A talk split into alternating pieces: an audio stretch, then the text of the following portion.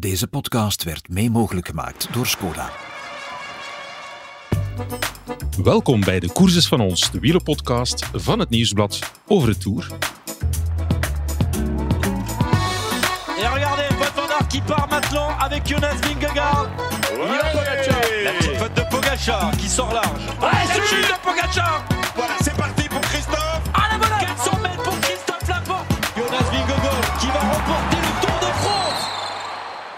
Wij zien het glas altijd half vol en voor ons is de Tour nog altijd een secondenspel. Maandag op de rustdag waren dat 10 seconden tussen de gele trui Jonas Vingegaard en Tadej Pogacar. Nu zijn er dat gewoon 455 geworden. Voilà. En ik ben niet de enige grapjas die het eh, glas half vol ziet. Ook Jonas Vingegaard, want er kan nog van alles gebeuren. Luister maar. Of course, the Tour de France is not over yet. I'm sure uh, Tadej will try something on the last three stages. So, uh, so yeah, we just have to uh, still keep fighting. We're not in Paris yet. Maar de realist die zegt natuurlijk dat er 7 minuten 35 tussen de twee zitten en dat de Tour de France voorbij is, toch voor de eindwinst. Bij mij zit ook een realist, Jan-Pieter de Vlieger, wielerredacteur bij het Nieuwsblad. Dag Jan-Pieter. Dag Michael. Sta jij realistisch in het leven? Ja, ik mag denken van wel. Ja, oké, dat is een van eh, jouw grote kwaliteiten, inderdaad, zo zie ik het wel.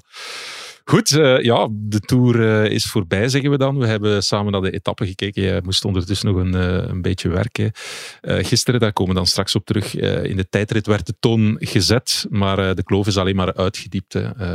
Pogacar verloor ja, bijna zes minuten vandaag. Eh 7.35 is het geworden. Ja, wat maken we daarvan, van die instorting van Pogacar vandaag? Ja, het is eh tamelijk monumentaal eh, instorting.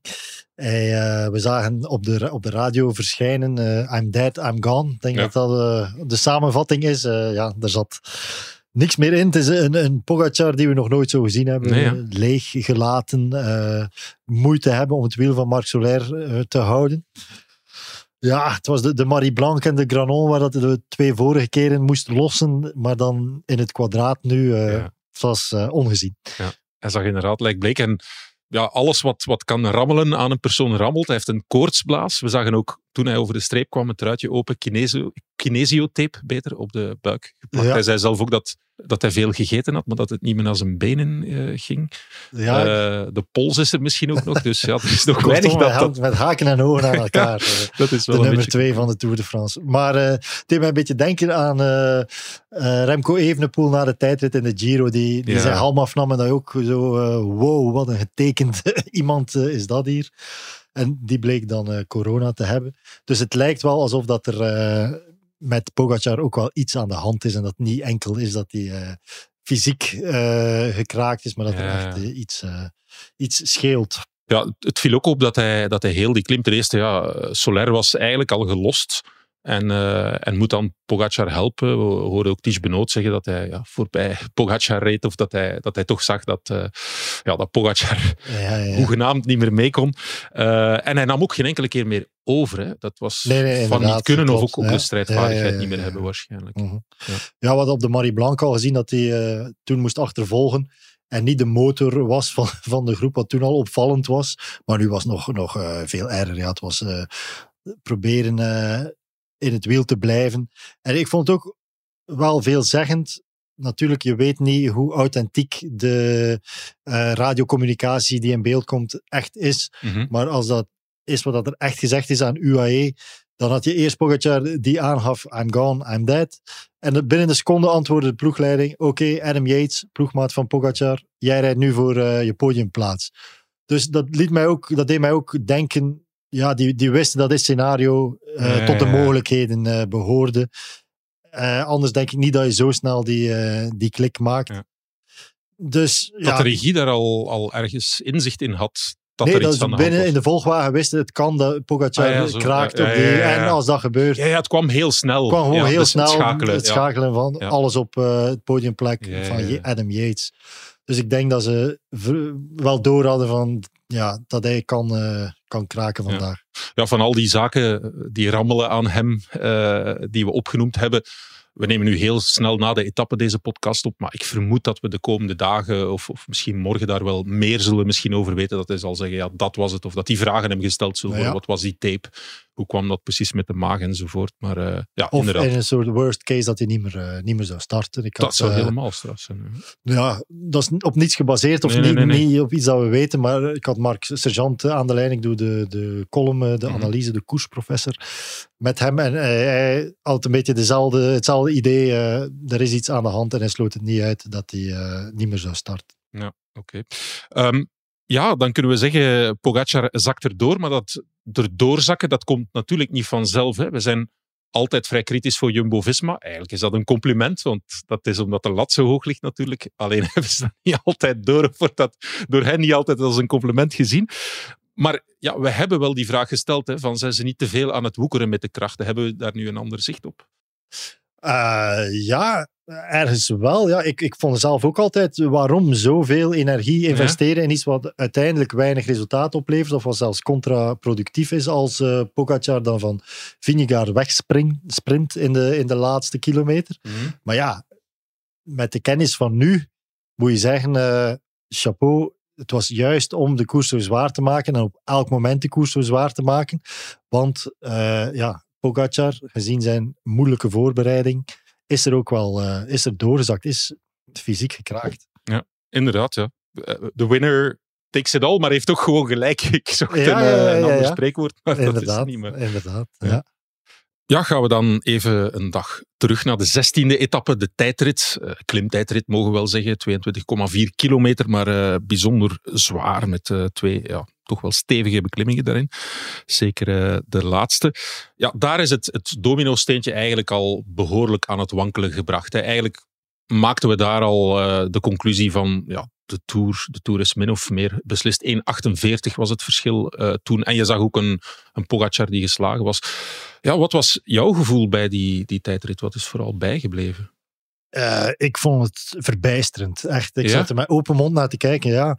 Ehm, er stond fenomenaal op bij ons op de, op, de, op de voorpagina. En meestal is dat zo, ja, eh, we, mo- we moeten er iets op zetten. Maar ik vond dat nu... Nu paste het. Ja, ik had ook echt dat gevoel van, het is echt fenomenaal naar wat dat we zitten te kijken. Ja. Ja, ik ben ondertussen, ik weet het niet, eh, meer dan tien jaar wielerjournalist. Er zijn zo een aantal momenten waarvan dat je, ja, zoals dat iedereen dat wel een beetje heeft bij grote historische gebeurtenissen, je weet nog waar je was.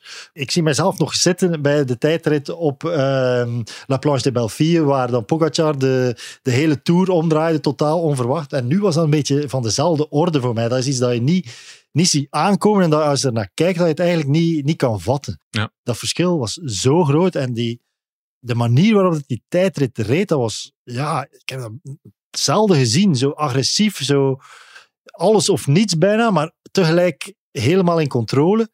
En eh, foutloos gewoon. Ja, ik vond het echt eh mind-blowing om Ja. een eh, Engels woord eh, te gebruiken. Ja. En eh tijdritporno, zei Tom Ja, Dumoulin. Ook een passende beschrijving natuurlijk. Want het, er was wel heel even, eh, nu de, de regie bracht ook een soort van instant tijdsverschil eh, in beeld. Maar er was heel even Pogacar die heel goed bezig leek. Ja, ja, ja, en zelfs dat tijdsverschil tussen Pogacar en... Was Van het, Aert? Van Nee, nee, toen was het nog... Koen, denk ik, Koen, allereerst.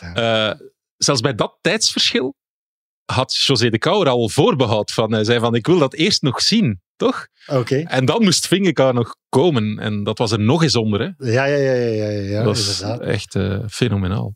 Maar dat is de, de, de grote moeilijkheid dat je die, die tijdrit van Pogacar afzet tegen Vingegaard. Maar natuurlijk, die van Vingegaard was zo eh, exceptioneel dat, eh, ja, dat, dat Pogacar dat bijna geen faire vergelijking is Ja. natuurlijk. Ja. Ja.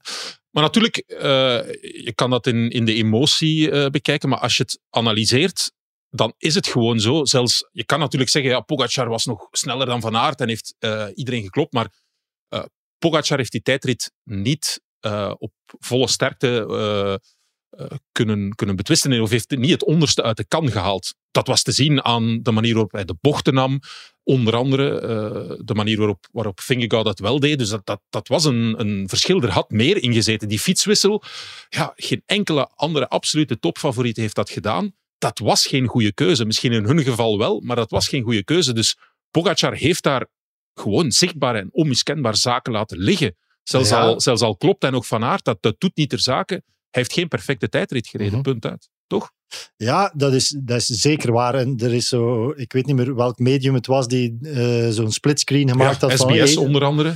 Van één uh, bocht in het bijzonder, waar, dan, uh, waar dat je aan de ene zijde Vingegaard ziet doorgaan, aan de andere kant Pogacar. En dat is onmiskenbaar. Daar laat hij seconden liggen.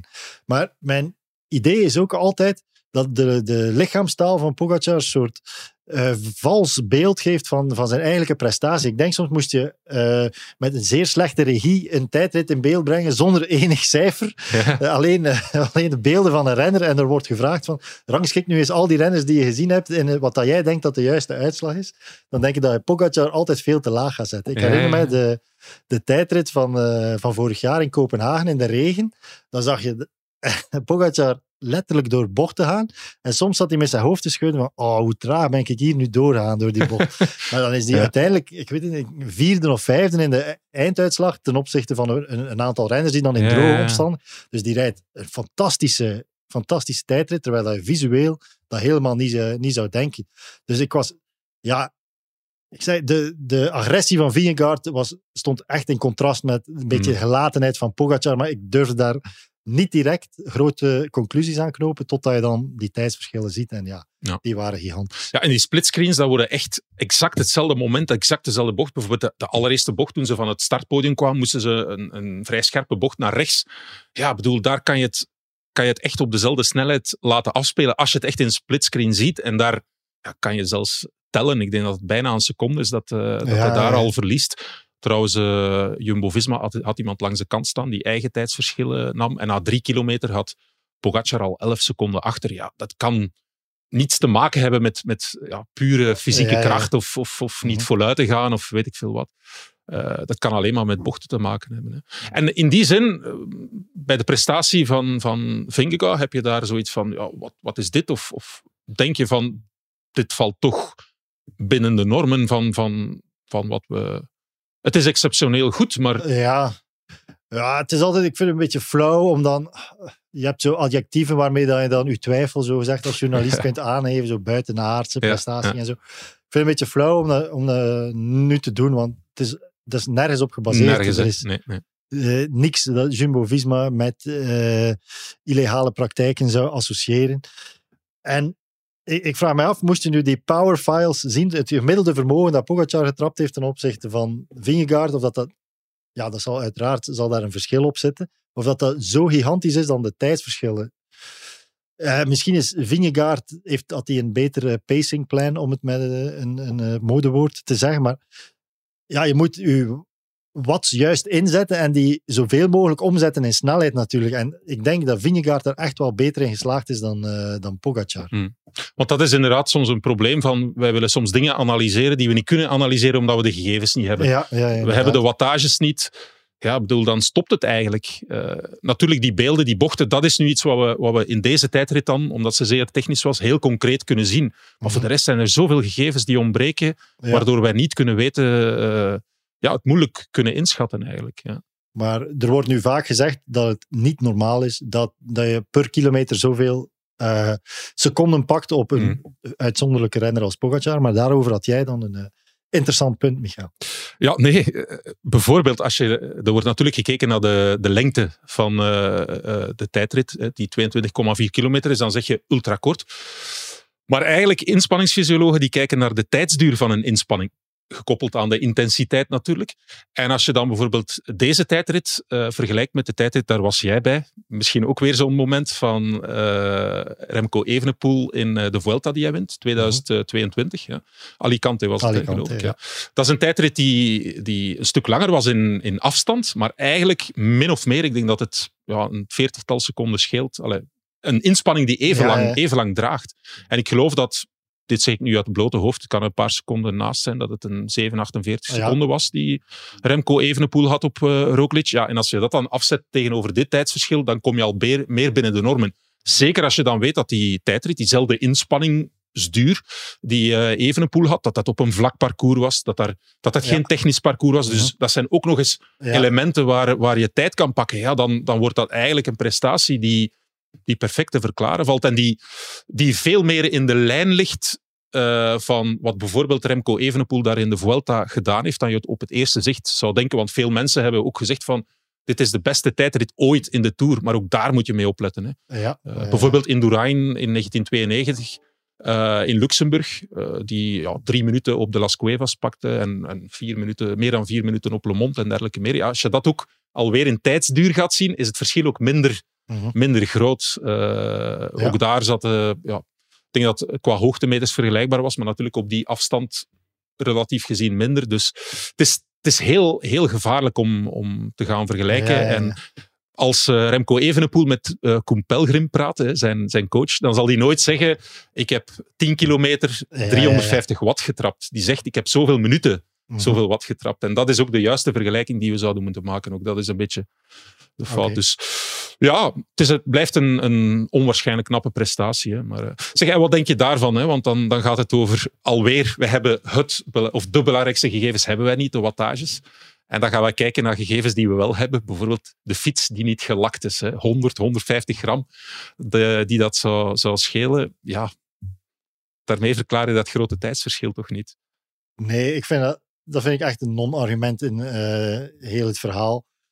Maar uh, het is natuurlijk zo dat, dat stoort mij soms een beetje, maar ik ben er zelf even schuldig aan. Van de, de winnaar die de geschiedenis schrijft, uh, dat is zo. Na elke grote zege van Jumbo-Visma maken wij het verhaal, ik evenveel als iemand anders, maar hoe, hoe Jumbo dit al maanden, jaren, weken op voorhand had gepland. Ja. En ja, dat, dat klopt natuurlijk altijd wel voor een stuk. Maar ze zijn er ook wel goed in om dat te communiceren en om dat, Ja, die boodschap naar buiten te brengen. En wij schrijven het op als zij winnen. En als UAE wint, schrijven we het omgekeerd op. Ja. Ik herinner mij op La Planche de Belleville, waar dan uh, Pogacar uh, plots de Tour uit de handen uh, rukte van Primoz Roglic met een onwaarschijnlijke tijdrit. En dan was het verhaal, ja maar ja, UAE is dat, heeft dat heel goed aangepakt. Ja. Die zijn hier komen verkennen. Die hebben een kamer gehuurd vooraf, waarin Pogacar dan een zo in een zen-status kon komen en zo. Chapeau UAE, ai ai ai, Jumbo-Visma Ja. met die scheve helm op het hoofd van, van Roglic. En daar heb je 100% het andere verhaal uh, dan dat we vandaag hebben. Want nu is de teneur, Jumbo doet alles perfect en UAE is slordig, nalatig. En rekent dat de benen van Pogacar alles wel uh, op zijn plaats Ja. zullen doen vallen. Ja, de waarheid is natuurlijk veel meer genuanceerd na, dan Ja. dat. Je gezin is net als een wielerploeg. We moedigen elkaar aan. En we weten dat we met de tips van onze ploegleider we alle kansen hebben om echte kampioenen te worden. Skoda, supporter van de grootste fietsfamilie. Op een bepaald moment was er ook het verhaal van het, ja, uh, het, het zwembadje waarin Pogacar Ja, ja, ja, zat. waar we dan dachten dat dat extreem lage temperatuur, maar het bleek gewoon water van 15 graden te zijn. Maar dat werd dan ook gezien van, ja, in de red race tussen de twee teams heeft de UAE toch een voorsprong. Dat is letterlijk door bepaalde mensen gezegd geweest. Hè. Dus Ja, ja, ja, ja, daar sta je ja. dan ook nu. Dus in, inderdaad, ik denk ook die, die heel kleine marginal gains, die zullen wel bijdragen. Maar ja, ik denk dat we de, de belangrijkste verschillen geduid hebben. Dat, uh, en dat kan natuurlijk wel te maken hebben met die, met die voorbereidingen. Uh, namelijk, Pogacar heeft geen perfecte voorbereiding gehad. Uh, zowel fysiek, geen voldragen hoogtestage, als natuurlijk, ja, hij is van zijn laatste hoogtestage nog even moeten terugkeren om snel wat te gaan verkennen Ja, in de. Tour. Ja, dat is, dat is, dat is niet perfect. Hè. Nee, nee, nee, nee. We waren een beetje gegeneerd dat we dat uh, na de Marie Blanc nogal Ja, ja. veel, uh, veel stelligheid hadden gezegd. GP, jouw moment van glorie is gekomen. en Je hebt het toen al voorspeld. Ja, nee, maar dat is ook weer de relatieve Nee, maar de feiten blijven wel overeind. Ja. Ja, nu lijkt dat toch weer ergens te kloppen dat er in die voorbereiding van alles schortte. En um, wat te vrezen valt, is dat de conclusie zal zijn bij UAE. Ja, ik denk dat we moeten opschuiven richting aanpak van, uh, van Vingegaard, die dan heel specifiek zijn doelen kiest, een heel rigide opbouw heeft naar die doelen. Die bijvoorbeeld nu uh, geen WK-tijdrijden zal, zal rijden, wat dat hij afgaand op de tijdrit van gisteren met de vingers in de neus zou, zou gewonnen hebben. Maar ja, past niet in, ik weet het niet, in de mentale decompressieperiode. Um, dus doen we het niet. En ik vrees dat Pogacar ook veel selectiever zal worden. En ja, de, het meest evidente slachtoffer is dan uh, de Ronde van Vlaanderen en onze Vlaamse koersen natuurlijk. Ja, we zullen het weer met Wout van Aert en Mathieu van der Poel alleen moeten stellen. Ja. Ogarme. Oh, Ogarme, inderdaad. Nee, maar inderdaad, we hadden dat wel een beetje gevreesd. Bij UAE moeten ze nu toch wel... Het is niet zo, zo slecht als het uh, wordt voorgesteld misschien uh, achter de schermen, maar ik ben er wel van overtuigd dat ook de geldschieters die heel veel geld geven, je zit daar misschien met het grootste wielertalent, laten we dat even aannemen, en je wint twee jaar op rij niet de allergrootste koers daarmee ja, dan moet men toch een beetje een reset maken. Men gaat toch echt moeten herbronnen hè, en kijken van wat moet er anders. Er, er gaat wel een... Ja, ze gaan niet de zaken gewoon doorzetten zoals, zoals ze bezig zijn. Dat lijkt mij onwaarschijnlijk, dat dat, dat, dat toegestaan wordt eh, naar financiering toe, dat de, de Tour de France wel een beetje de, de lakmoesproef is altijd van uh, hoeveel willen we hier nu in, uh, in investeren als de sheik van uh, UAE die man fietst zelf en zo. En uh, die doet triathlons, moet je ook niet, niet wegzetten als uh, een onwetende over wielrennen of zo. Maar um, ik denk wel dat voor hen, zij willen uh, als UAE Emirates de Tour de France winnen. Dat is waarom dat zij zoveel geld investeren in, in het wielrennen om de beste te zijn aan de grootste race van het jaar te winnen. Dus in de agenda van de, van de ploeg staat de Tour altijd bovenaan. Dat, dat leidt geen twijfel voor mij. Dus ze zullen van daaruit terugwerken en zien wat er nog past in het programma en wat niet. Hm. Wat ik mij ook afvraag, dat is dan, ja, als je specifiek naar Pogacar gaat kijken, zou hij nu echt gefrustreerd zijn en dit ook een beetje als brandstof gebruiken om te zeggen van ik, ik wil dit geen, geen volgende keer, want het, alles lijkt van hem af te glijden. En zolang ja, ja. hij zich amuseert, is het allemaal goed of hij nu tweede wordt of eerste in de Tour. Maar dit moet toch ergens binnenkomen. Als dit niet ergens de winnaar in hem losmaakt en zegt van vertorie, volgend jaar wil ik echt de Tour winnen. Dat zou mij toch een beetje verbazen, denk ik, als dat uh, zo zou zijn. Ja, ik vond dat hij, hij viel uit zijn rol, zo gezegd, nu vandaag. Ja. Maar je, je begrijpt natuurlijk 100% ja. waarom. Maar uh, we hebben hem één keer zo gezien na de Ronde van Vlaanderen, waar hij dan ingesloten raakte in de laatste, in de ja, laatste ja, rechte lijn. Dat was ook zo niet de vrolijke Frans Pogacar. Die, die was dan ook echt oprecht kwaad en uh, wegwerpgebaren. Dus dat zit zeker in hem. Het is niet dat die gast zo uh, nu denkt, oh ja, volgend jaar beter. Nee, die, die wil ook eerherstel en die is wel gebrand om, om weer de beste wielrenner van de wereld te worden. Mm -hmm. Vanmorgen na de tijdrit ja, moest ik een internationaal persoverzicht doen. En ik heb ja, het woord fantastisch in alle talen zien passeren natuurlijk. Maar in de Deense pers zat er wel een beetje een ondertoon van zie je nu wel dat Vingegaard ook een ongelooflijk talent is. Dat hij ook wereldklasse is. Uh, want ja, wij zagen Pogacar vooral als een, een uitzonderlijk talent. Ja, Vingegaard is dat, is dat ook. Hè. Hebben, wij, hebben we ons daar wat op miskeken? Want je hebt je wat verdiept in, in de cijfers achter de twee. En die cijfers van Vingegaard zijn ook gewoon uitzonderlijk hè? en altijd geweest. Ja, ja, ja. ja, ik denk dat we de anekdote hier al uh, een keer aangehaald hebben. Uh, maar blijkbaar toen uh, Vingegaard zijn allereerste inspanningstest deed in het lab als junior in een onbekend Deense jeugdteam, dachten ze daar dat hun apparatuur stuk was, want die had een VO2 max van 97. Ja. Wat dat echt ja, onwaarschijnlijk, onwaarschijnlijk is. Ja, zelfs in het profielrennen zijn er eigenlijk geen, geen precedenten van. En dan ja. VO2 max is beperkt trainbaar, maar normaal gezien op die leeftijd uh, is ja. er nog wel een beetje marge door gewicht te verliezen of door je training uh, nog op te voeren. Dus uh, die is er niet op gedaald, normaal gezien. En ehm, ja, dus dat is iemand, dat is een fysiologisch uh, monster, ja. Vingegaard. Die heeft een tragere carrière gehad dan, dan Pogacar, die eigenlijk iedereen van, van zijn eerste koers uh, weggeblazen heeft. Pogacar is uh, ja, via Colo Quick dan profrenner geworden. En daar spelen dan zoveel factoren van uh, plaatsvinden in het peloton. Uh, ook sociaal dominant zijn, niet, niet uh, onder de druk van het kopmanschap ten ondergaan. Ik denk dat je bij Pogacar al die vinkjes kan zetten van ja, die, die voldoet eraan, die voldoet eraan. Bij Vingegaard zijn er een paar blanco vinkjes die tijd, waar het tijd gekost heeft om die te kunnen afvinken. Maar het fysiologische is altijd gewoon top geweest. Ja. En ja, het is door de persoonlijkheid van Pogacar dat, dat we soms uh, Vingegaard een beetje wegzetten als, als minder. Maar puur naar inhoud, naar, naar, naar motor als renner is dat uh, niet, niet zo. Ja. Ook dat, heb je eigenlijk, dat punt heb je eigenlijk al gemaakt uh, ten tijde van onze podcast van de Ja, Marie ja. Blanc. hè. Dus eh, alles, alles komt perfect samen, Jan-Pieter. Eh, en ook het feit dat eens de toon gezet is in de Tour, dat dat blijkbaar toch Ja, zijn bleek, paar strapatsen... mm, bleek niet 100% Jij bent er niet de man maar- eh, naar om jouw grote gelijk niet plots te gaan halen. eh, nee. Goed, wat rest ons nog in de Tour? Want ja, dat, die eerste plaats die is weg natuurlijk. Moeten we nu stoppen met kijken? Of... Nee, ik denk dat we de grote Wout van Aert show gaan zien.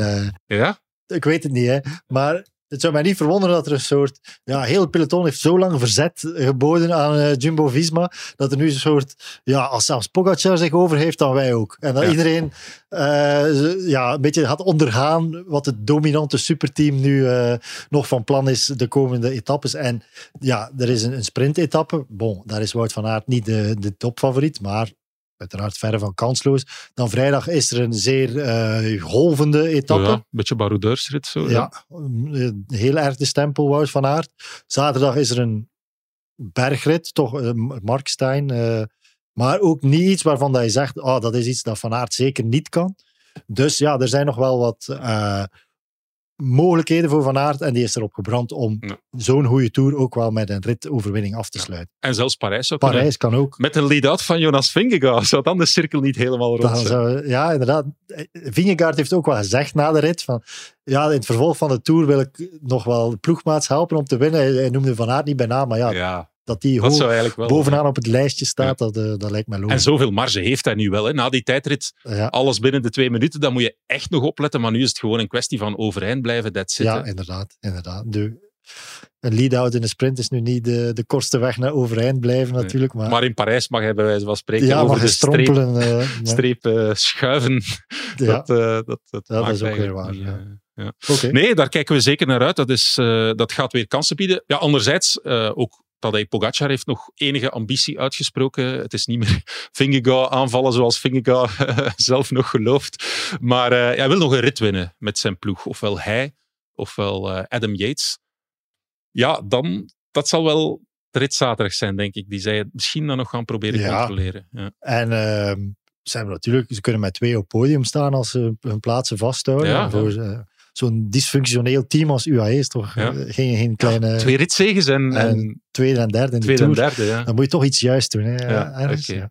Goed, bij deze mooie woorden, het glas dat half vol is, zelfs voor UAE, gaan wij afscheid nemen voor eh, ja, deze laatste podcast met jou. Er komt er dan nog een aan met, eh, met onze koersgasten natuurlijk, die we deze keer op zaterdag gaan opnemen. Bedankt, GP. Ondanks al mijn eh, goede voorspellingen niet weer houden voor de, de podcast van zondag. Maar bon. Eh, goed, eh, als luisteraar ben je altijd welkom. eh, of als vlieg op de muur. Luisteraar, ook eh, jullie bedankt eh, voor deze voorlaatste podcast in de Tour de France. Het doek is nog niet eh, gevallen, maar het, ja, de uitkomst is min of meer wel bekend. Zaterdag niettemin een zeer interessante koers uiteraard. En we hopen dat, dat we daar nieuws hebben over Wout van Aert. Het wordt een zeer interessante rit zaterdag. Tot dan, tot de koers is van ons. Qui part maintenant avec Jonas Vingegaard. La petite faute de Pogacar qui sort large. Ah, c'est de Pogacar